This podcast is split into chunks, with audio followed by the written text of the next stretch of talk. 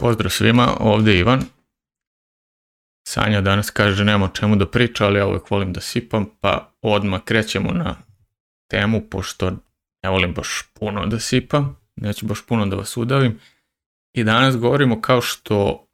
već sam naslov kaže da li bi deci trebalo zabraniti kiše. I razlog zašto sam uopšte krenuo da razmišljam na ovu temu je zato što sam juče dok mi je bilo dosadno i tako vršljao po mojim društvenim mrežama, iskočio mi članak kako u Srbiji vlada epidemija gojaznosti i posebno kod dece. Mada realno može to da se okarakteriše da u, uopšteno vlada epidemija gojaznosti, ali ono što nas najviše zabrinjava, jer kao osjetljivi smo na decu, i uvijek se pitamo a šta će tek biti kasnije kad im metabolizam dodatno bude oslabio kada dođe taj pritisak godina i sve, ako su sad gojazni kako će tek biti kada budu bili stariji i mislim da u tom članku bila, bila reč o tome da je svako treće dete otprilike gojazno u proseku i to nije nešto što me onako začudilo, ali ono što, što me navelo uopšte da napravim ovaj video je kad sam ušao na komentare, mada i u samom članku ti u uzroci, ne mogu sad setim gde je članak i, i gde sam ga video, niti imam namjeru da čeprkam po istoriji ovoga mog brauzera, ali u članku je bilo navedeno, a posebno u komentarima da su deca gojazna zbog nekoliko stvari, a to je zbog covid zato što su dve godine proveli kod kuće sedeći za računarom tobože a, bivajući na času dok su zapravo ko zna šta radili u suštini su sedeli bili su statični dve godine u karantinu nisu mogli da imaju a, fizičko vaspitanje koje inače imaš dva put nedeljno po 40 minuta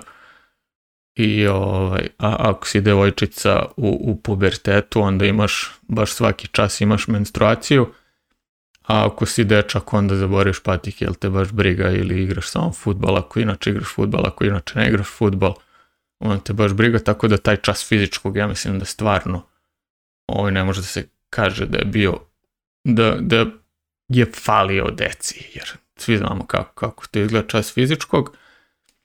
ali uglavnom kao nisu mogli idu napolje, statični su, ne kreću se i to je istina, trebalo bi više da se kreću, ne samo deca, svi mi, bar, bar sat vremena dnevno kada imaš neki vid kretanja, bilo da je trčanje, bilo da je hodanje, bilo da je vožnja bicikla, zavisi ove, ovaj, šta voliš i, koliko imaš vremena da izdvojiš ili šta već, ali to nije glavni uzrok gojaznosti. Nedovoljno kretanje može da utiče na zdravlje na neki drugi način, tipa da pokvariš držanje, da ti atrofiraju mišići, da, a, ali ne nužno da može da se ugojiš zato što sediš, jer ne gojiš se zato što sediš, ne gojiš se zato što ne potrošiš tih 400-500 kalorija e, dnevno radeći bilo kakvu fizičku aktivnost, nego se gojiš zato što nepravilno jedeš. I to je upravo razlog, razlog i te epidemije gojaznosti. Jer pogledajmo sada šta to deca jedu i navješću neke primjere onako koje znam lično i navešću ono što sam zapazio, mislim što je bilo očigledno i pre povratka u Srbiju, a sad posebno kad imam prilike da vidim ove, ovaj, koliko su sletkiši dostupni. Ja uzmimo za primjer kad smo mi bili deca, mada to nije dobar primjer, jer ove, ovaj, ta, mislim, ljudi koji su ah, moja, moja generacija i kad smo odrastali u 90 onda nije bilo ničega kamoli slatkiša. Ali i generacija naših roditelja, imao si da biraš između dva, tri slatkiša, imao si ne znam, čokoladnu bananicu, žele bombone i one mint bombonice od kojih ti glava boli ako je slučajno zagrizeš na, nabodeš zube ove ovde ih ovako nabodeš u, u, gornju ilicu ovih nabodeš vama kao zagrizao si ih sve ti nije dobro a voliš da ih grizeš bar ja i kažem imao si smoki, chips i to je to i kad uđeš u prodavnicu imao si da kupiš bili, sve su bile neke male prodavnice imao si hleb, mleko, jaja voće, povrće si kupovao na pijaci, nisi čak ni kupovao na prodavnici, imao si tu kao neki mali, mali ovaj raf sa slatkišima i to kao da bereš bonžitu, kao kad ti neko kupi bonžitu, a što si mi kupio bonžitu? A danas kad odeš u, prodavnicu, da ne pominjem ove hiper supermarkete, mega markete, to imaš jedno dva, tri reda duž čitave širine tog marketa, isključivo slatkiša i onda još jedno dva, tri reda duž, duž čitavog tog marketa isključivo slanih stvari. I to kad ideš s roditeljima, onda se to kupi da imaš, pošto je tamo jeftinije. I ti jedeš to u svakoj prilici. Za užinu, kad si gladan, kad nisi gladan, posle ručka, a, preručka, kad ideš negde kao ajde da jedem nešto, da, da ne budem gladan i toga uvek ima. I ne kažem da, da, da svi to rade, da svi imaju neke zalihe slatkiša u, u, u svojim špajzevima ili da to možeš, možda držiš u nekom šteku u ormanu ili na stolu ili kad neko dođe i onda se izubijaš svega toga jer znaš da ima tu. Ali u svakom slučaju izbor toga je mnogo veći i ponuda je mnogo veća i prosto nuditi se bilo gdje na svakom koraku da ne pričamo o reklamama koje svesno ili nesvesno ove ovaj, utiču na tebe.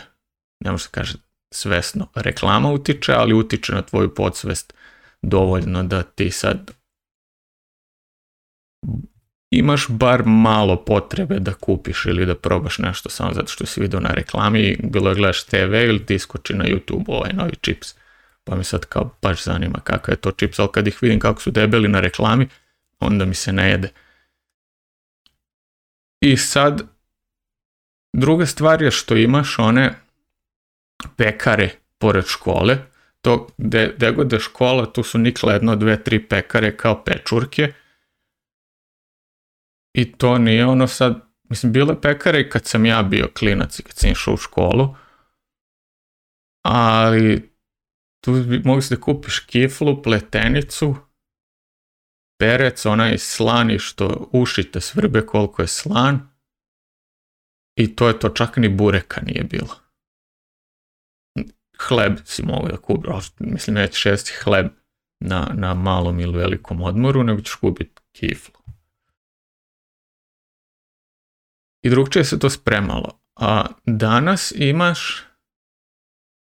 kad uđeš u pekaru, ja stojim 30 sekundi i, i ona kad krene da me pita izvolite šta će ja već hoću da udarim šamar, jer toliko izbora imam da ne znam šta da odaberem, Uzeo bi sve tamo, da, sve tamo što se nalazi, a znam da ne mogu i ne smem sve to da pojedem, ali volim testo pa bi uzeo sve da probam. I deca kad izlaze na, iz škole na, na veliki odmor ili na mali, ili koji god, kad idu nešto da jedu, uglavnom ode u prodavnicu i kupi čips i kolu i, i još neku čokoladicu ili ode u pekaru pa kupi neku pancerotu u ne znam nekom užasnom ulju sa nekom užasnom salamom i sa nekim užasnim kečapom ili ako je dovoljno malo da jede onu školsku užinu, onda mu u školi namažu hleba i margarina i, ili mu namažu hleba i krema, to ono kao omiljena užina i to dobro da se najdeš toga. Ili dobiješ hot dog ili viršle i pored tih pekara koje su nalazi uvijek imaš neku hamburgeriju gde možeš da kupiš one žestoke mesne prerađevine u hlebu, ili ovaj, neku pljeskavicu koja je dovoljno jeftina da bi to deca mogla kupe. Nije ono kao, kad, kad odeš, ne znam, gde u gradu da jedeš pljeskavicu, pa kao malo, malo je bolje meso, pa sam tim i možda zbog toga skuplja pljeskavica ili plaćaš lokal, ali u svakom slučaju tu gde su deca, da gledaš da to bude za deči budžet, pošto nemaju sva deca isti budžet, i, i onda staviš malo više soje nego, nego mesa i malo više ne, nekog jeftinog mesa ili ako uopšte staviš nego da to bude hleba i dosta priloga. Ali u svakom slučaju deca nemaju dobar izbor hrane ni u školi ni kod kuće jer slatkiše jedu i kod kuće, jedu i u školi. I ima nekih roditelja koji ove, ovaj, koji pakuju užine deci da to nosi u školi, onda im tako kupi neku ovaj, činicu, nešto kao ona zidarska što nosiš alat, tako imaš sa pregradama za razne stvari da nosiš da jedeš u školu onda ti svi izazivaju zato što nosiš, ali nema veze. I onda mu spakuje, ne znam, integralno ovo, integralno ono, dve kriške jabuke, ne čak ni celu jabuku, i malo suvog grožđa i par urmi i to je kao nečija užina gdje kad sabereš koliko je sve pojao šećera u toj užini, bolje da je u pekari, bolje da kupio kiflu. Čak i da je namazo kremu. Ali iskreno sad. I uglavnom, ono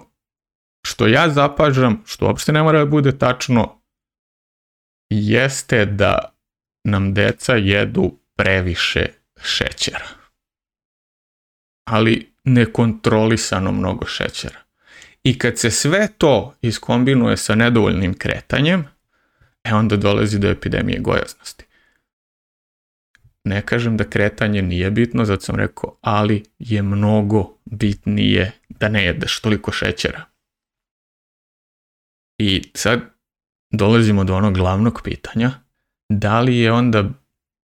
da li bi onda trebalo zabraniti deci da jedu slatkiše? I ako mene pitate, a čim ste ovdje i gledate ovo, izdržali ste sve do sada, onda me vjerovatno pitate. I ja bih rekao ne. Razlog zašto deci bi trebalo dozvoliti da imaju svoj izbor je zato što nećeš uvek moći biti u prilici da ih kontrolišeš,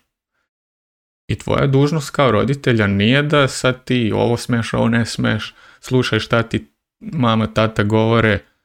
moraš da me slušaš, ne, nego treba da naučiš to dete da samostalno donosi ispravne odluke. Kažem, nećeš uvek moći da je kontrolišeš i ono posebno ovog momenta kad napuni, ne znam, x godina da je to dvocifren broj, može biti 15, može biti, ne znam, 20, kad ono ode od kuće, bilo u srednju školu, bilo na fakultet i moraš joj dati pare da preživi ili njemu ili će sam doći do para, ali kad bude bilo ono, e, više ovaj nema šta tu da mi govori, hoću ja da jedem slatko ili neću, sad da pojedem slatko za sve pare i onda će da se hrani u pekari ili sa čipsom i slatkišima i sokovima dokle god mu volja. Jer prosto nećeš biti tu da kažeš e ne možeš. Ali zato treba stvoriti dobre vrednosti i dozvoliti slatko, jer slatko je nešto prvo što ti prija čulima i, i pružiti taj neki endorfin i dopamin, kreneš da lučiš onog momenta kad pojedeš sve to slatko i nekako ti lepo bude prijatno, ali to ne treba da znači da ti je to na engleskom se to kaže staple food. Ne bih ni znao kako se na srpskom kaže kao glavna namirnica tog dana, da ti bude 300 grama milke. Ne, nego prosto ograničiš da to bude desetak, dvadesetak grama ugljenih hidrata, to je šećera, tog grafinisanog, za ceo dan. Što znači, pogledaš ono pakovanje i ako ne znam, 100 grama plazme ima 60 grama ugljenih hidrata, koliko mislim da otprilike ima, od toga je ne znam 50 grama šećera, koji god da je to šećer, bilo dolazi iz meda, iz dekstroze, fruktoze, nije bitno, ali ako ćeš daš tu plazmu, onda mu reci, vidi, možeš da pojedeš 20 grama šećera, to ti je, ne znam, 3 plazma keksića ili 4 za ceo dan. I to je to. I nauči dete da to pojede nakon obroka ali da taj obrok bude obrok ne koji će zadovoljiti tvoja čula, nego obrok koji će zadovoljiti potrebe tvog tela, što znači da ima dovoljno zdravih masti i dovoljno proteina. I da ne zamerimo, da ne zanemarimo i mikronutrijente, treba da je bogat i vitaminima i mineralima, što samim tim znači to možda dobiješ ili iz povrća ili iz zdravih masnoća koje može doći iz mesa, iz jaja ili kokosovo ulje, nerafinisano hladno ceđeno, isto i maslinovo hladno ceđeno ulje. Sve su to izvori nekih mikronutrijenata, ali i makro. I onda sve to kad odradiš, ali se ovo ljulja. E onda kažeš, e sad možeš da pojedeš čitavu onu dozu slatkiša koje, koje ti je preporučeno u toku dana da pojedeš. Možda pojedeš pola sada, pola posle ručka ili pojedeš sve sada i do sutra nema ništa. I mi upravo to tako ovaj, postupamo sa Natašom. Ako ste već gledali neki od naših vlogova, vidjeli ste da ona ima štek sa slatkišima. Posebno od kad smo došli iz Kine to, jer u Kini nije imala toliko prakse da jede slatko, pošto ni mi sami nismo jeli slatko, ali ovdje ovaj, prostor smo više u kontaktu sa rodbinom i prijateljima i stalno to neko je nešto donese, kupi, sami mi kupimo i onda si pod većim nekim izazovom da to održavaš na lupam slatkiši jednom, dva put nedeljno, nego bude to svaki dan, ali kažem bude neka umerena doza, umerena količina svega toga i onda ovako, ovako izgledaju, na primjer, njene doze slatkiša i ona dete, naučili smo je, o, ako je gladna kad ustane, a uglavnom je se jede slatko odmah čim ustane, ali smo naučili prvo moraš da doručkuješ i onda ćeš dobiti tu tvoju dozu slatkiša. I njene doze te slatkiša, u stvari ja krenem prvo sa doručkom, njen doručak uglavnom izgleda dva pečena jajeta, pečemo na svinskoj masti ili na maslinovom ulju, ali uglavnom na masti pošto imamo masti. I nekad jede slanine uz to, nekad jede neki kulen, popije čašu jogurta ili sira jede uz to, nekad sve to pojede, zavisno koliko je gladna i onda zna da ako pojede pola toga, dobit će pola doze slatkiša, ako pojede sve to, dobit će celu dozu e, slatkiša i današnja, na primjer, doza slatkiša je bila ona dva jafa keksa. Ne cela kutija, ne dve cele kutije jafa keksa, nego dva keksića. I ona je sretna zato što može dobije dva. Jer uglavnom dobije red čokolade i to je ono kao, to je to, pojela si red čokolade i nema sutra ništa ili dobije jednu lizalicu, ili kad je dobijala gumene bombone, dobio onih 4, 5, što nekih 10, 20 grama gumenih bombona koje su čist šećer, što znači 20 grama šećera odjednom, što je možda puno odjednom, ali opet zna da sutra neće više dobiti toga. Ako jede sladoled, pojede onaj sladoled na štapiću ili u kornetu, koji ima uglavnom oko 20 grama ugljenih hidrata sladoled sam po sebi, ako mene pitate, je najbolji slatkiš, jer uglavnom dolazi od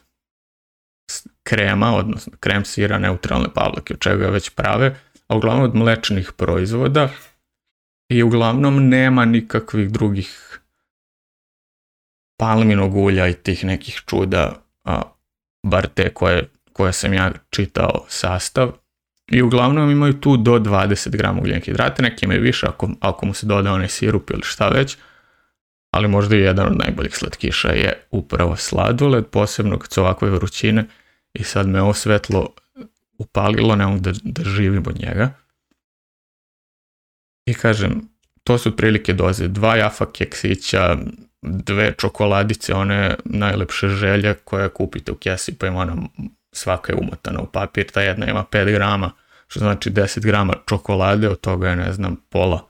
šećera, ako kupimo onu 75% kakao, onda je 30% šećer, što znači 3 grama ugljenih hidrata, ali ona je pojela dve čokoladice, kao super, jedna lizalica koja je čist šećer, ali ajde, i rekli smo 10-20 grama gumenih bombona, jedan sladoled, ako jede neki drugi keks tipa plazmu, onda pojede jednu, dve plazme i to je to. I, i zna da je pomirilo se s tim da je to sasvim dovoljno. I zna da postoje neki kao čid dani, ka, kada postoji izuzetak od tog pravila, ali mislim da je to pravilo bitno i bitno je da se svi pridržavamo tog pravila. Nije ono kao, e, znaš šta, ja ću da večeram čipsa i ovog i onoga, ti ne možeš zato što to za tebe nije dobro ili ja ću da jedem buritose, a ti ćeš da jedeš šta ti ja kažem, nego Sanja ja se također držimo tih pravila. Ne jedemo slatko i ako jedemo to bude odmah posle obroka i isto bude količina tih slatkiša koje je i ona pojela. I onda ono dete zna da ta pravila važe za sve, a ne samo za nas. Jer ja sam danas zajedno već, ovaj, doručkovao sa njom i pošto sam posljednja 4-5 dana na omadu, jer prosto hoću da se očistim od svega što sam pojeo prethodna dva mjeseca, gdje smo baš onako imali malo lošiju iskreno, smo često bili na polju i malo se opustili, išli na razne društvene događaje, ali to sad nije predmet te priče. Ali ja sam danas doručkovao sa njom, ona je pojela dva jajeta i šolju čašu jogurta. Ja sam pojeo dve šnicle, nešto kulena, nešto slanine, nešto sira i nešto jogurta. I onda sam posle toga zajedno sa njom pojeo na jedan jafa keksić i jednu onu malu crnu čokoladu. A, najlepše želje, 75% kakao, ne znam sad tačno koliko ima šećera, neću ni da lupam na pamet. Ali uglavnom i ona je videla. I ona je imala izbor, će tako kao ja, jedan keks, jednu čokoladu – ili će dva keksa i pojela je dva keksa. I taj, taj jafa keks, ja ne znam koliko on može imati grama, ako celo pakovanje ima 100 grama, unutra ih ima 12, znači taj, ili koliko ih već ima, taj ne vjerujem da ima ni 10 grama sve ukupno, iako je to velika količina ugljenih hidrata jer imate i biskvit i onaj želatin u koji je dodat šećer imate čokoladu od gore preliva, ali opet lupam, ne znam koliko na pamet ima uglavnom to je njena doza. I onda znam i, svaki put kad traži nešto, to smo govorili prošle nedelje, ja ne kažem porašće ti rep ili ovo ili ono, nego je kažem lepo to nema dovoljno proteina, ali ima previše, i ima previše šećera i to nije dobro za tebe. Možda jedeš zato što je lepo i ukusno, ali u ograničenim količinama. naravno to predstaviš tu tako da razume, ne, ne, ne ideš baš u najsitnije detalje, ali dovoljno da, da kažeš nema šećera, pošto dete nema još ni 6 godina. Ako imate stariju decu, onda je reci ima šećera, šećer nije dobar za tebe i ne treba da jedeš iz istog razloga, ja ne jedem šećer. I onda ti ne jedeš šećer i budeš primjer tom detetu. I onda negde ima prilično sam onako po... Radim to s jednim prilično dobrim samopouzdanjem, da će ona jednog dana kada bude dovoljno zrela da sama donosi te odluke, da će reći, e, neću da jedem ovo zato što ima šećer, ili ako ipak bude jela više tog šećera nego što treba i ako se ugoji, onda će znati da se ugojila zato što je jela previše šećera i znači šta treba da radi, znači da treba da smanji taj šećer. I Dakle, zaključak je da ne treba braniti deci da jedu šećer, ali treba ih naučiti šta je šećer, to je šta su slatkiši. Šećer je i slani čips, pošto je to 60% toga ugljenih hidrat. I najgora moguća mast, to ti je onaj monkey biskit takozvani. Ali ono što bi trebalo braniti i posebno istaći važnost toga jesu sokovi, jer ne može sok da ti zameni žeđ, ne može sok da ti bude nešto što ti gasi žeđ, jer ja znam ljude koji otvoreno kažu ja ne pijem vodu, ali popijem dve litre kole dnevno i onda se bode insulinom i, i ima žestokih problema, a nije mu jasno zašto. I kad mu kažeš, al kao ja ne mogu tako ceo život, pa sad moram tako i da nastavim, i mislim da je to upravo to, to, to neko loše vaspitanje i nešto što se nije naučilo još u najranijem dobu, da sok je nešto što se ne pije, što se ne jede, jer u suštini jedeš sok, ako ima kalorije, onda ga jedeš, piješ, mislim, ne znam. Sad već lupam, dugo već pričam. Ali i to možeš da dozvoliš u određenim okolnostima, tipa kad ideš na rođendan, popih čašu soka, ali ne, ne gledaj da to ne bude više od jedan put nedeljno. Ili ako imaš opciju da uzmeš sok bez šećera, uzmi taj sok bez šećera. Ako mene pitate gde mi je uvek negde u glavi i imam to koliko sam šećera une u toku dana. Ako već moram da pijem sok, rađe ću uzeti neki Pepsi ili kolu ili šta već bez šećera, iako ni taj aspartam kojim se zaslađuje kola nije baš najbolji, ali ako mi je stalo do metaboličkog zdravlja, a jeste, onda biram to, jer koliko god bilo vitamina C u tragovima u nekom soku od voća ima mnogo više šećera nego što bi ja to htio da ima i onda biraš šta je veći rizik i tako tako donosiš odluku i ja bi ovdje završio. I još jednom da zaključim. Nemojte braniti deci da jedu slatkiša. Nemojte ih učiti da imaju taj loš odnos sa slatkišima. Ali ih naučite da slatkiš ne može da bude prvi i osnovni obrok u toku dana. Ne može uopšte da bude obrok,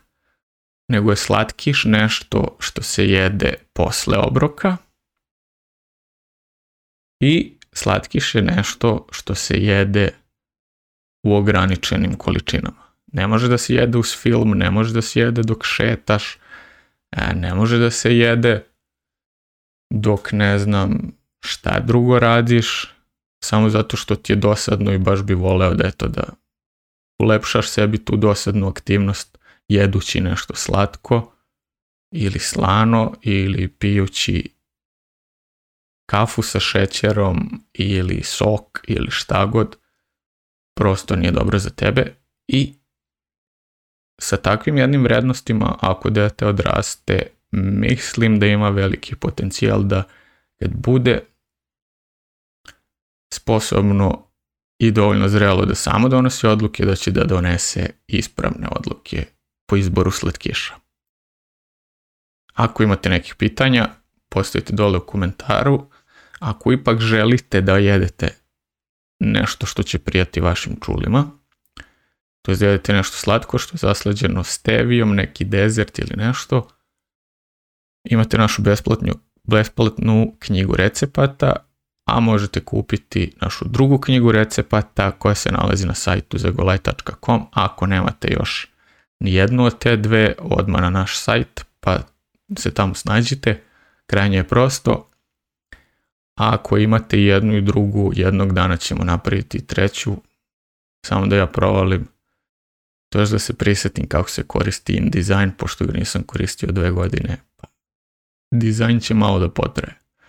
U svakom slučaju, hvala što ste gledali, slušali, u zavisnosti gde ste nas pratili i vidimo se sljedeći put.